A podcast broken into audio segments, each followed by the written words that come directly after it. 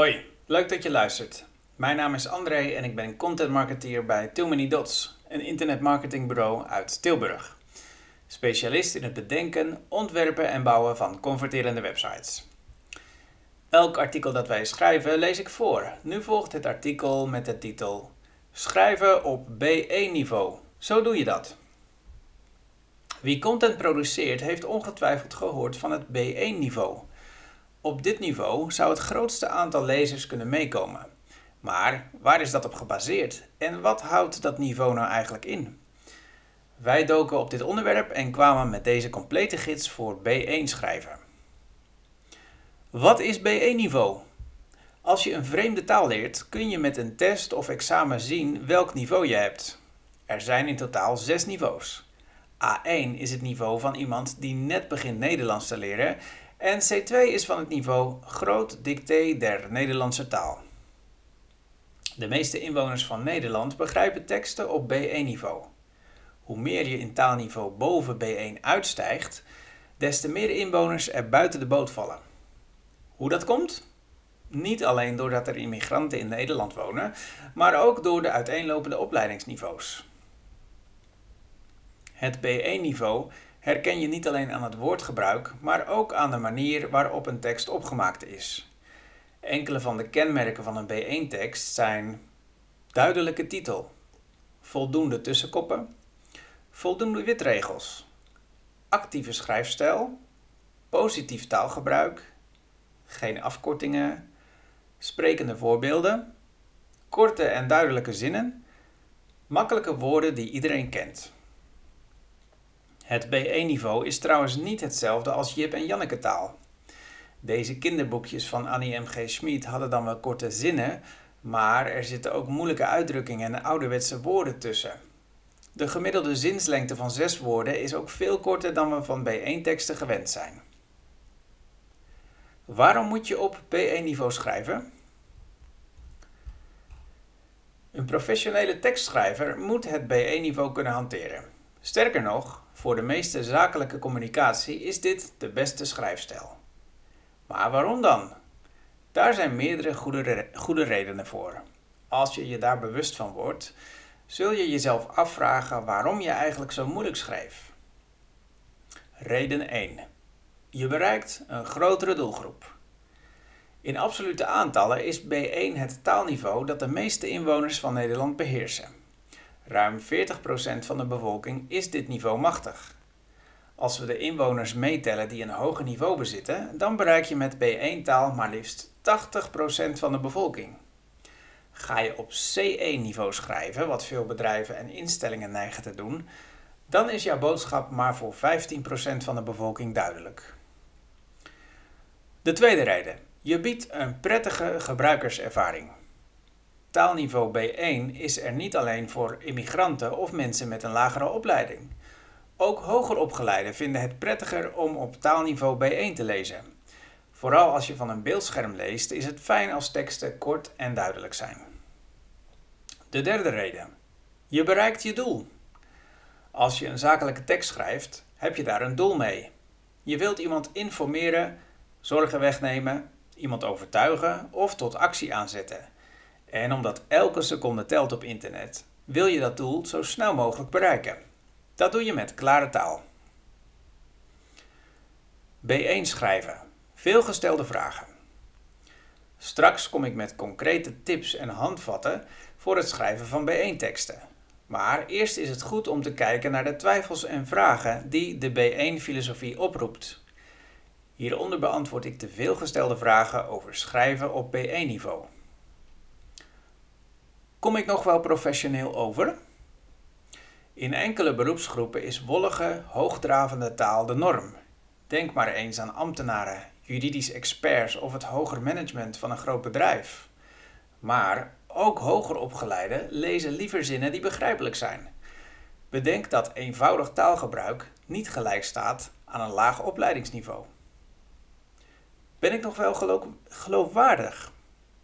In lijn met de vraag of B1-teksten wel professioneel overkomen, is er de vraag of je nog wel geloofwaardig bent als je het niveau verlaagt. Maar juist door begrijpelijk over een moeilijk onderwerp te schrijven, Laat je zien dat jij je eigen verhaal begrijpt, dat je een thema beheerst. Het is een kunst om in eenvoudige woorden een moeilijk onderwerp uit te leggen. Is mijn onderwerp niet te ingewikkeld voor het B1-niveau? Dit is een van de belangrijkste issues voor wie B1-teksten wil schrijven. Want hoe schrijf je toegankelijk over bijvoorbeeld een wetenschappelijk of technisch thema? Toegegeven, dat is een uitdaging. En hierin speelt ook de doelgroep mee. Gaat het om een wetenschappelijke paper, dan is een C1 of C2 niveau vaak wenselijk. Maar wil je met een webtekst potentiële klanten aanspreken, dan zul je toch echt de drempel moeten verlagen. Wij zijn van mening dat je over bijna elk onderwerp begrijpelijk kunt schrijven. Hoe vaker je daarmee oefent, des te beter je erin wordt. Hoe schrijf je op B1-niveau? Het is een paradox dat je voor korte teksten juist meer tijd nodig hebt. Wanneer we vrijuit schrijven, is de kans groot dat we te lang van stof zijn. Het kan altijd korter en bondiger. En vrijwel altijd kan het eenvoudiger. Ook qua opbouw kunnen veel teksten logischer. Je kunt de volgende concrete acties ondernemen om begrijpelijke content te maken. Belangrijkste boodschap vooraan. Voor zakelijke teksten op B1-niveau wil je direct zijn. Dat betekent dat de belangrijkste boodschap vooraan de tekst moet. Op die manier is de kans het grootst dat de lezer jouw bericht meekrijgt. Want vooral online haken mensen snel af. Hou het kort.